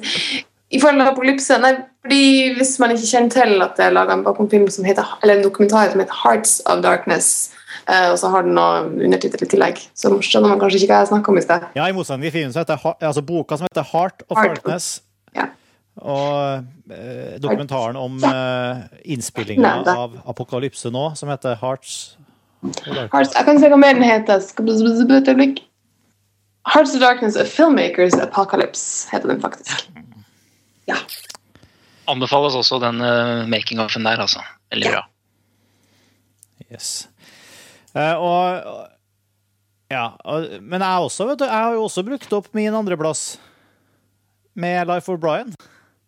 Ja. Og bare, bare kudos uh, igjen, altså, vi- til, til Monty uh, Python og Terry Gilliam. Altså, jeg føler at uh, jeg, jeg setter pris på Jeg, jeg, setter også veldig pris på The Holy Grail altså, som, som film. Um, selv om den har mer sånn eh, Ja, jeg føler også at den, eh, som du sier, Tor jeg ikke, det er også en film. Selv om den har sine anakronistiske sketsjeinnslag. Så eh, De likte jo ikke den så godt selv, da, Monty Python-gjengen. nei, Holy det Men dem, dem tar feil. De tar feil. ja. Ja. Enkelt er det. Eh, Så da, da er vi veldig spent, Kari. Da får du sjansen til å Avslør hva som havna hvor. Det var egentlig veldig, det var veldig tett i toppen for min del. Og det ble Alien som nummer to. Ja. Ja, det ble det. Dæsken, vi, har- vi går tom for filmer her. Gjør det. OK. Eh, Tor Joakim, da. Kom med en ny film. Ja, nei, jeg kan jo ikke det heller. Nummer to er Apokalypse nå. så det er full circle her. neste gang tar vi filmordet 1953. Noe sånt. Ja. OK. Um, da Men det var faktisk alle andreplassene våre, det. Ja. Dæsken. OK, da er det jo da, Vi vet jo hva førsteplassen til flere av oss er. Tor Joakim, din eh, Men Lars Ole, det er faktisk eh, Ja. noe vi venter på å høre. Hva er din favorittfilm fra 1979? Det du sa det, så syns jeg dere skal prøve å gjette. Ja, jeg tipper at det er Buck Rogers in the 25th century. Jeg tror, jeg tror det er The, The Brood, tenker jeg. Eh, Det More var en, American det var en runner-up. Ok. Men The Brood var en runner-up. ok. Ja. Kari, har du noen Har jeg noen gode forslag? Burde jeg vite da, hva du har som nummer én? Mm. Det er ikke Muppet-filmen, Lars Olle? Ja, selvfølgelig. Ja, nå føler jeg meg veldig selvopptatt. så det liksom, ja? Nei, men eh, jeg føler det er veldig opplagt, da. Um, Nei, for det, det er ikke Moonraker. nei, jeg har jo litt hjerte for den, da. Det skal sies. Ja. Den var nesten en runner-up, den òg. Jeg syns Moonraker er en- I hvert fall i min barndom så var det en, en av favorittene. Men den er fortsatt nok ikke like sterk i dag. Jeg vet det, jeg vet det. Ja, og Rocky 2. Ja. Er det det? Nei. Nei. Nei, nei, nei. nei, nei. Jeg er ganske sikker på at jeg vet det, Lars Ole. Ja, Det hva er det? Det er selvfølgelig Meatballs. Nei. jeg tror det var Ah. Hæ? Det er 1941, Steven Spielberg. Hva sa du, hva sa du Kari? Jeg tror vi skal til Mr. Ellen Woody, kanskje. Ja, det er Ja, riktig. selvfølgelig. Det er selvfølgelig. selvfølgelig Manhattan. Ja, ja, det, og det burde vi visst. Det har du jo nevnt før, Lars Ole, at det er en av dine store favoritter. Ja, det var derfor jeg spurte. Jeg tenkte at det var ganske opplagt. Eh, Det er en av mine tre favorittfilmer gjennom tidene. Eh, Det er Fanny Alexander, The Shining og Manhattan som er mine tre favorittfilmer. Mm. Mm. Og selvfølgelig bedrøvelig trist at ingen av dere andre har den på førsteplass, for det føler jeg meg ganske sikker på at ingen av dere har. Eh, Men det er jo en, en smakssak. Men dette er Woody Allens beste film. Eh, det er jo på en måte Fansen knives jo om det er, eh, om det er Annie Hall eller om det er Manhattan, som oftest. Noen vil også da trekke fram Hannah and Sisters og Crimes and Misdemeanors. Men for meg så er tross at de andre også er veldig høyt oppe på favorittfilmlisten min, så er Manhattan en ganske suveren ener eh, for meg. Både for 1939, selvfølgelig, og for Woody Allen. Eh, Det er en, en av de morsomste filmene som er lagd. Eh, Den har altså den har et manus som er så rikt, og som er så morsomt og så dyptloddende, og så selvrefleksivt eh, hele veien, at jeg tar av meg hatten hver gang. Den har jeg sett ubegripelig mange ganger. Det er min regnværsfilm eh, nummer én. Uh, den handler jo som alltid da, om en, en rekke New Yorkere som intellektuelle eh, Manhattan-folk i, i slutten av 30-, begynnelsen av 40-årene som, som doser rundt eh, og søker etter en form for mening. Eh, men paradoksalt nok så, så ender de fleste karakterene her i stedet med å skyves fra seg det som egentlig gjør at livet er verdt å leve. Det er ethvert genuint menneskelig øyeblikk forsvinner som oftest i en eller annen intellektuell tankerekke med endeløse referanser til, alt mulig annet. Eh, og hovedkarakteren i denne filmen er spilt av selvfølgelig Woody Allen selv. Han, han gjennomgår en ganske dyptloddende erkjennelse i løpet av denne filmen. Jeg, ikke, jeg vet ikke om jeg helt har lyst til å røpe Jeg har ikke så lyst til å røpe slutten i filmen, fordi det er selv om det er veldig mange som har sett filmen, så vet jeg fortsatt at eh, det er en del der ute som fortsatt ikke har gitt seg i kast med Woody er. Men den ender i all uten å røpe slutten, så kan jeg også si at det ender med at hovedkarakteren eh, han, han erkjenner til slutt at, at, at det viktigste i livet faktisk er å stole på menneskene man har rundt seg. Eh, og det syns jeg er et utrolig rørende veldig rørende konklusjon da, på, den, på den fortellingen. Eh, Bortsett fra det, og som, som jeg sa, den er fryktelig morsom, har noen av Woody Allens aller, aller beste one-linere. Dying Keaton rimrer i sin birolle. Det gjør også Mariel Hemingway, som spiller da Woody Allens fryktelig unge kjæreste i filmen. Hun eh, er vel ikke fylt 18 engang, tror jeg. Det kan jo eh, leses ganske selvbiografisk, for det er snakk om eh, Woody Allen. Men hun, Mariel Hemingway i hvert fall, hun ble Oscar-nominert for, for sin birolle. Og, og gjør en helt fantastisk nydelig, nydelig innsats. Og er en, er en den perfekte sparringspartneren til en Woody Allen-karakter. Fordi hun er så ung og naiv og håpefull, mens han da selvfølgelig er veldig determinert, veldig pessimistisk og kjempenevrotisk. Og forholdet mellom de to er på en måte filmens hjerte, da, syns jeg. Eh, Bortsett fra det så har også filmen fantastisk soundtrack med George Gershwin-musikk. Aldri hørt Gershwin-musikk bli brukt eh, på en bedre måte i en film. Og et fenomenal av Gordon Willis. At Gordon Willis ikke engang var nominert til Oscar eh, den filmen, det er, eh, det er så Han ble jo aldri nominert til Oscar for noen ting. omtrent. Han ble nominert for Heller. Han ble jo heller ikke nominert for Gudbarn eller Gudbarn del 2. Eh, ja, nå skal vi ikke begynne å snakke om det, men eh, han er jo beste Sven Nyquist. eh, Etter min mening kanskje den beste filmfotografen i historien. Og dette er hans beste arbeid. eh, kanskje det vakreste, eh, ekspressive foto jeg noensinne har sett. Uh, har sett i hvert fall det. Manhattan ser ut som en million, en milliard dollar. Og og det er ikke grunn til at dette det veldig ikoniske bildet som, som er brukt i filmens post- posteren til filmen, uh, kan man jo ofte se når man går i sånne rammebutikker og sånn, når det er sånne eksempelbilder som bare er satt i rammen for å se hvordan den liksom kan fungere på en vegg. Så, så er faktisk det bildet av eh, Woody Allen og Diane Keaton, eh, eller Isaac og Mary, som sitter på den benken eh, et av de bildene man veldig ofte ser. Det er en vanvittig ikonisk film på alle tenkelige områder. Ja, nei, det er rett og slett en kandidat til verdens beste film for meg. Åh, Lars Ole. Du kan snakke om film, og du kan jo gi, meg- gi folk lyst til å se film. Jeg har en egen evne til det, tror jeg. For jeg har aldri vært noen eh, stor Woody Allen-fan. Eh, Men nå kjenner jeg Det må jo, må jo se Manhattan. Helt klart. Jeg tør nesten ikke si Ja, det. Ja, dette, mm? nei, jeg, tror, jeg, jeg, er jo, jeg er jo ikke Woody Allen-fan i det hele tatt, så jeg tør jo ikke å si noen ting jeg, etter den tiraden der.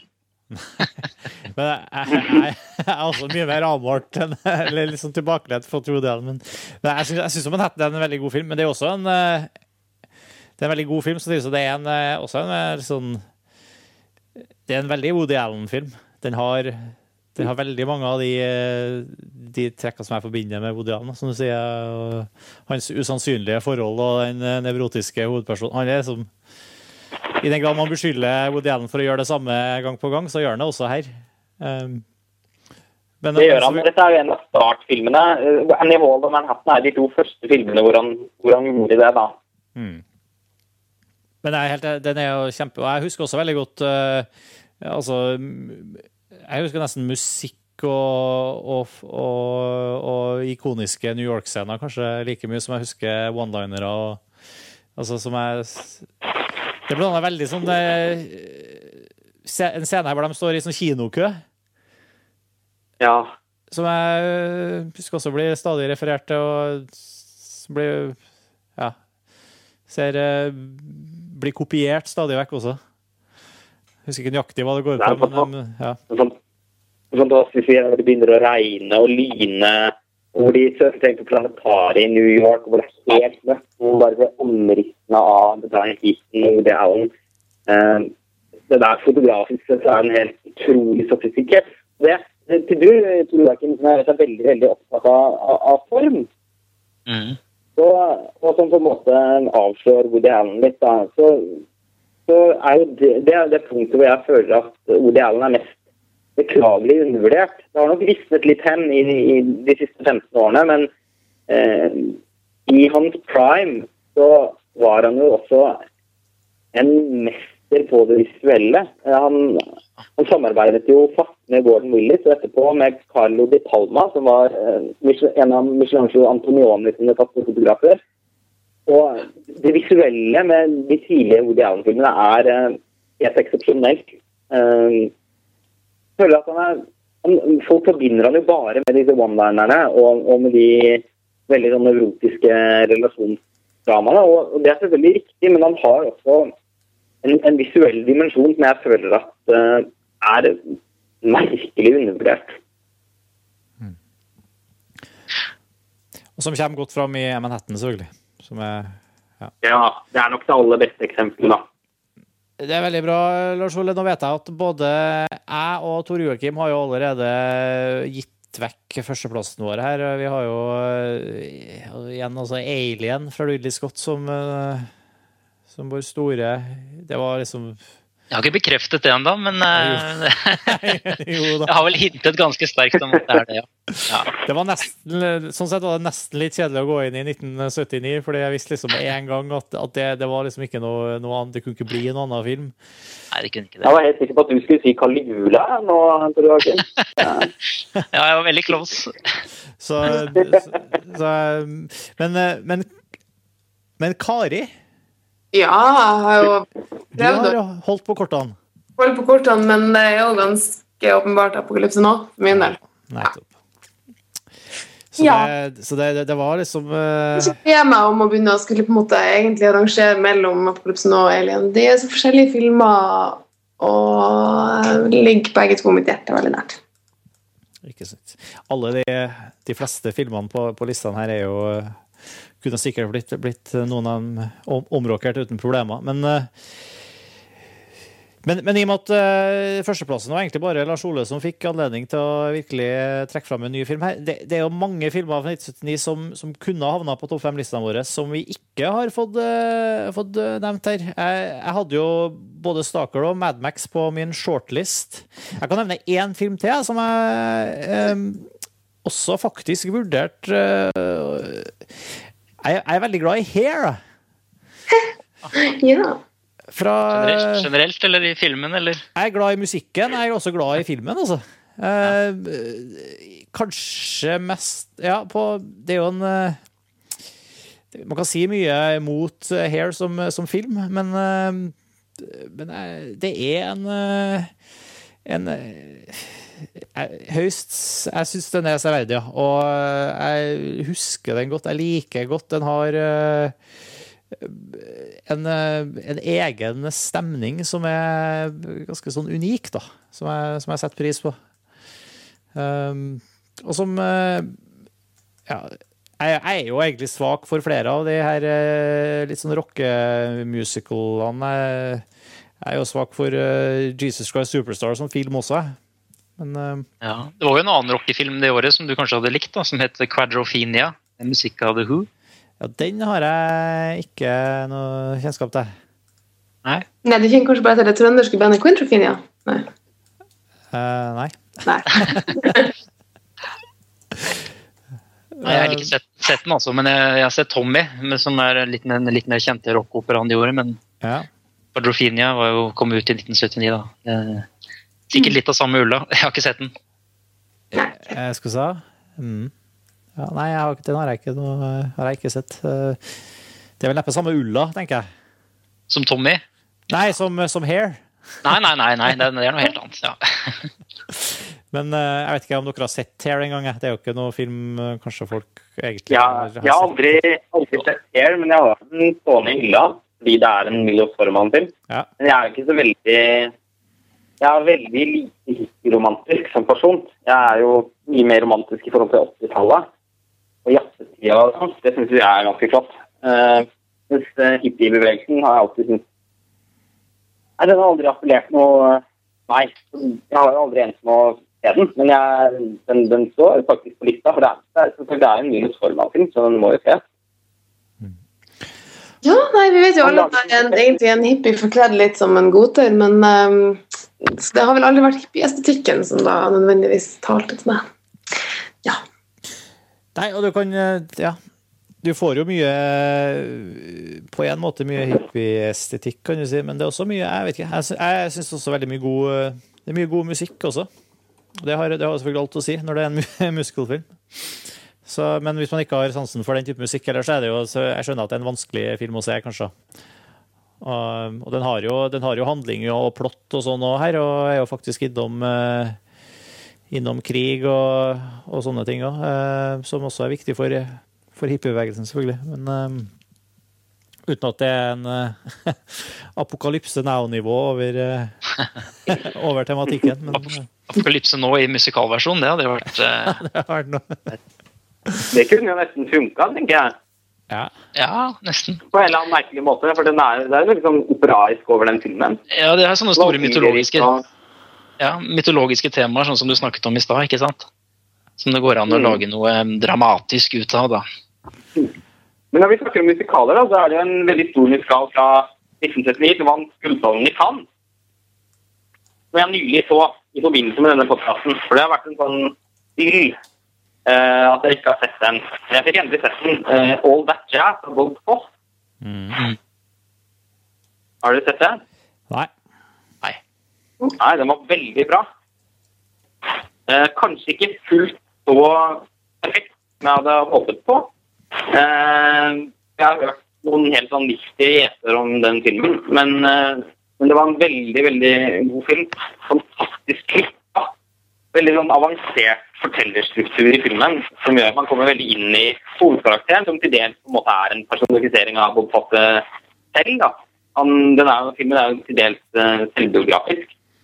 Han er jo en mann som jobber selvfølgelig innenfor showbiz med koreografi og med film og både, både teatermusikal og, og med, og med teatermusikaler og med film, og som har et alkohol- og, og, og rusproblem som gjør at det blir hans undergang, da. Han ender jo med å Han dør jo. Jeg tror ikke det er så veldig stor spoiler. Det tror jeg Man merker lett det fra filmen starter, at, den, at han er fortapt. Eh, men det er veldig besnærende og, og i hvert fall til dels gripende musikal. Det var kanskje det jeg savnet litt. Jeg skulle ønske at den hadde enda mer sånn ja, at den grep meg enda mer emosjonelt. da, Men jeg, det var en veldig flott stykkefilm. Jeg vet at dette er en av David Fincher sine absolutt favorittfilmer. Han har snakket om den i, ved flere anledninger. Eh, men det er, masse, vi, vi må jo, det er jo andre runner-ups her også. En som var veldig høyt oppe for meg, og som sammen med Bean Bear holdt på å ta femteplassen. Eh, det er Kramer mot Kramer, som jo var Oscar for beste film det året. Og så står også på min shortlist. Ja, Med Dustin Hoffman og utrolig gripende. Oh, Ja, den er, jo, den, er, den er jo litt sånn eh, Den er jo litt melodramatisk. Altså Ja, Den bruker jo alle Hollywood-konvensjonene for det det er verdt, men um, Og Meryl Streep. Ja. Meryl Streep, ja. Men eh, ja. ja, den er jo en, det er en veldig stor, liten film. Den gjør veldig mye av en liten, liten historie. Mm. Og den er så godt spilt. altså så De liksom, veldig sånn melodramatiske konvensjonene som vi snakker om, det blir liksom Det har ikke så mye å si, fordi at den er så godt gjennomført. Fantastisk spilt av både Dustin Hoffman og Meryl Streep. Meryl Streep fikk jo en birolle-Oscar for den filmen, eh, men det er Hoffman en prestasjon som sitter sterkest igjen hos meg, også hos han gutten. Han spiller også veldig godt. Eh, og måten den, Nå har jeg aldri bak i bordet heldigvis opplevd en skilsmisse selv, men eh, jeg vil jo tro at den filmen på mange måter er forholdsvis autentisk, da. I måten den skildrer en, en skilsmisse på. Også mye av filmen er egentlig fortalt fra barnets eh, øyne, da. Og det er noen utrolig gripende scener i den filmen. Blant annet så eh, har eh, Dustin Hoffman og sønnen hans et sånn frokostrituale. Ja, stemmer. Eh, ja. Når, eh, når eh, i dag, når Dustin Hoffman og Meryl Streep blir skilt, så forsøker jeg, vil han da fortsette med dette frokostritualet, fordi at hele liksom, tidsskjemaet blir helt forskjøvet, så så ender han opp med en helt sånn bastardversjon av, av det frokostritualet. Som, det er noe av det mer hjerteskjærende jeg har på film. Husker jeg, da jeg så det, så da kom tårene. Det jo, jeg, jeg så opp den filmen uh, nå nylig. uh, for å Egentlig for å Jeg vet jo at det var en av de store filmene det året, men, eh, men eh, Nei, den, det var liksom ikke helt eh, Vet ikke, jeg. Det var, det var rett og slett ikke nok, syns jeg, altså. Det er helt enig at det, det, den er godt spilt, og den har uh, Men uh, ja. det, var, det var ikke nok, nok, nok å hente der, føler jeg for meg, til å, til å virkelig få han opp verken på shortlista eller på, på topp fem. Uh, derimot Moonraker kunne jeg nok ha, ha, ha vurdert, altså. ja. Selv, selv, om det er generelt en av de mine altså, ah, den, den, den, ligger ganske lavt på James Bond-lista mi, må jeg innrømme. Ja, ja men den var ikke sjarm. Ja. Jeg, jeg, tør ikke si noe. Først, først liker jeg ikke Woody Allen, og nå må jeg kanskje innrømme at jeg, og ikke liker så veldig godt Star Trek, og nå sier jeg at jeg heller ikke liker uh, James, Bond. James, Bond. James Bond. Så nå får jeg vel høre det i kommentarfeltet, kanskje. Men, uh, men, men, uh, men, apropos James Bond, Sean Connery spilte jo da i en annen film det året. Oh. Noen som husker hva det Never Say Never Again? Mm? Han spilte i Great Train Robbery. Han spilte i Cuba, står der. Han spilte i The Great Train Robbery. Ja, The Great Train Robbery, ja, selvfølgelig, med Donald Sutherland. Mm. Ja. Jeg kjenner den bare på musikk. Ifølge, ifølge Wikipedia faktisk, så er Kramer vs. Kramer den mest innbringende filmen nå. Tett, ja, det er ganske Tett etterfulgt av Rocky 2. Mm. Og Muppet Movie også var ganske høyt oppe, tror jeg, på den lista der. Ja, også, og, og, ikke minst, den her er jo nesten jeg har jo ikke nevnt, det er jo kanskje ikke en spesielt uh, Jeg vet ikke om det er en men jeg husker filmen ganske godt. Uh, Ten, Drømmekvinnen. Uh, ja, med hun der godeste um, Julie Andrews og Dudley Moore og Bo Nei, hva Derek. heter det? Bo Derek. Bo Derek, ja. Bo Derek. Stakkars. Og fikk kreft, tror jeg. Ja. Så det. Ja. Er vi, er, vi, er vi, inne på shortlist nå, eller hva er det? Ja, ja, definitivt. Ja. Ja, kom, kom, med den. Ja, fordi at uh, nå, nå, snakket vi om Kramer vs. Kramer, så vi skal holde oss litt i sånn melodramatiske eller litt sånn sukkerintensive hjørnet. hjørne. så er det jo en annen film som jeg liker veldig godt, så, fra det året, som heter The Rose. Uh, med Altså regissert av Mark Med Bette Midler, ja. Jeg er, ikke, jeg er ikke noe fan av Bette Midler generelt. Ler du av det? Det er jo Ja, det, Oi, jeg har ikke sett filmen, da, så jeg kan ikke Det er dårlig gjort. Men ja, du kan ikke, du kan ikke bedømme Bette Midler på dårlige TV-serier og sånn. Nei. Nei, det er faktisk en ganske, ganske bra film. Altså. Det, det er en løst basert på Janis Joplins liv. En uh, sanger som uh, sliter med drugs og rock'n'roll. Um, og den er faktisk ganske så rørende. Altså, hun spiller også formidabelt, faktisk, i den. Jeg, jeg, jeg liker jo ikke Beth Midler generelt, men akkurat den filmen der, så så, så, så, er hun bra, altså. Hun sliter med drugs and rock'n'roll, men ikke med sex? Ja, sex Jeg kan ikke huske sex. ja, man kan jo slite med sex også, selvfølgelig, men generelt er jo det litt mer uh, positivt. Ja, hun sliter med det meste, i hvert fall. Bett Midler er i hvert fall et uh, kjempestort sexsymbol. Det Utvilsomt. Mm. Men ja, apropos runner-ups og sånt Jeg plutselig innså jo at det er jo en av de få Hayao Miyazaki-filmene jeg ikke har sett, kom jo i 1979. Nemlig Lupin 3, slottet i Taliastro'. Mm. Er det noen som har sett den? Jeg elsker jo Miyazaki. Nei. Han er glad i slott. Nei, jeg er også veldig glad i Miyazaki, men jeg har ikke sett den. Mm. Nei, ikke heller. Da har vi jo noe nytt vi må ta til oss, kanskje. Jeg har ikke sett Lupin 1 og 2 heller. Eller 4 og 5 og 6. Nei, det er liksom litt uh, Det er liksom ikke mye å snakke fra sin uh, Hva skal jeg si Mest eventyrlige ja, men, jeg, ja. men, men det, det, var, det, det, er altså ikke sånn at det er en tredje film i en serie? Det er, han het Den Lupin den tredje? Lupin den tredje. Ja. Mm. ja.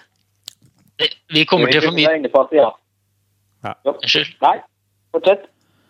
Nei, altså jeg tror vi kommer til å få mye tyn fra sånne kultfolk hvis vi kommenterer eller hører på denne podkasten, fordi det er jo en film fra det året som heter The Warriors av Walter Hill. Som er en sånn um, gjengfilm. Um, ja. Som, som, er blitt som er et sånt kultfenomen. Jeg har ikke sett hele filmen selv, så jeg turte ikke å ha den med på noen lister, sånn som, sånn som Kari nevnte i stad. Som har sett hele filmen, men den er liksom sånn den refereres ofte, og spesielt soundtracket, men også filmen er liksom sånn Den, den uh, bør man ha med, da. Så nå har vi nevnt den. Ja, han var jo også producer, han Warren Hill, ser jeg, på Alien. Ja da. Så, Han er en av de gutta, han. one of the guys. Jeg skulle til å ta en sånn rålekker overgang eh, fra Miyazaki til en annen asiatisk film. En annen japansk film fra dette året som jeg også så for første gang i forbindelse med denne podkasten. Som heter 'Vengeance Is Mine' av Shohei Imamura. Ja. Ja. Som er en film om en seriemorder. Veldig sånn apatisk eh, seriemorder som egentlig bare dreper på måfå. Og som virkler seg gjennom han, han klarer på en måte å Han klarer seg veldig lenge da, uten å bli tatt av politiet, fordi han har en sånn ja, Nesten på samme måte som i Catch Me If You Can. da. Så, så klarer han liksom opp som høyskoleprofessor. og altså, han, han, han inntar en hel masse roller da, som gjør at han, øh, flyter ganske lenge på det, før han til slutt da blir tatt av politiet. og Nesten hele filmen er fortalt i, i flashback. Veldig, veldig interessant øh, film. Veldig Ja, veldig mange måter veldig, veldig bra. Men kanskje ikke Jeg vet det er veldig mange som setter den filmen ekstremt høyt. Eh, det gjør vel kanskje ikke jeg foreløpig. Jeg må sikkert se den en gang til. Men den, jeg syns kanskje at den den manglet rett og slett litt suspens for min del. Jeg krever ikke nødvendigvis at en film om en seriemorder skal være en, en thriller, men den, den er kanskje litt feil, litt for seg for sitt eget beste, syns jeg. Men absolutt klart øh, en virkelig en god film som, øh, som helt klart har vært en, øh, en anbefaling. Hvem er det som hadde regien, sa du? Shohei Imamura. Ja, ja, ok. ja. Kjenner jeg så vidt. Han, har han er en av de få som har vunnet Gullpalmen to ganger. Mm. Ok. Ja. For Ålen i 97, og for en annen film som jeg ikke husker tittelen på, som jeg da heller ikke har sett. Da. Um, men han er helt, helt klart en filmskaper som har vært å stifte nærmere eh, bekjentskap med. En annen film eh, som, som, som du nevnte i stad, Joakim, er jo The Brood. The Brood, ja. Cronberg. Mm. Apropos filmskapere man burde bruke litt tid på. Eh, er det noen som har sett eh, Reiner Werner Fassbinder sin Maria Brauns ekteskap, som kom i 79? Ja, lenge siden. Oi! Den kom i 79. Er den fra, er den fra 79? Ja. Oi! Ja. Og du må revider lista di nå? Ja, nesten. Den hadde i hvert fall vært en råsterk kandidat i femteplass. Mm. Ja, jeg har ikke Den, sett den, men det eh, er vel en eh, Det er det mest, mest kjente Fassbender-filmen, er det ikke? Jo da. Ja, den og 'Angsten etter sjelen'. Ja. 'Angsten etter sjelen' er den beste av de to. Men eh, men den er veldig, veldig god Maria Browns uh, ekteskap òg. Husker nesten Jeg må se den en gang til. Vi har masse filmer her som dukker opp. Jeg må få sett eh, en gang til, altså. Mm. Bare å notere her. ja. Er det flere vi må Nei, vi- gjennom før vi, Så Morten, har du ikke kjøpt noen filmer på play.com i dag i løpet av uh, podkastsendinga? Jo da, jeg har da det. Hå? Jeg har da det, vet du. Ja, ja, bra. Vi, vi kan jo bare nevne sånn, Jeg nevnte den så vidt i stad, også, så på, på morsomt, men jeg syns jo fremdeles at eh, Meatballs er en fantastisk eh, fin komedie. da. Ja, ja, ja. Eh, Masse herlige referanser til science fiction. og Den kom jo ut rett ja, den, kom, eh, den jo refererer jo til Alien, så det må jo ha vært veldig tidlig ute. Det refererer Eh, Aliens og til, til Planet of the Apes og Star Wars særlig, ja, selvfølgelig. Men ja, eh, men jeg tenker på Alien og Meatballs kom jo ut samme år, så det må ha vært veldig tidlig ute med å catche eh, for at den Nei, Meatballs, ja. Meatballs, selvfølgelig. Ja. Nei, jeg tenkte helt feil, jeg nå. Eh, Nei, unnskyld, jeg, nå tenkte jeg også feil. Jeg, jeg tenkte på Spaceballs. Jeg tenkte på Spaceballs. men, uh, meatballs det er Baseballs tenkte jeg på. Nei, Meatballs, eh, men det er en film som heter Meatballs. Jeg tror, eh, som fra er jo nesten ti år senere. Eller når Vil vi bli litt trøtte, eller? det er absolutt på tide. Det, Rune. snart.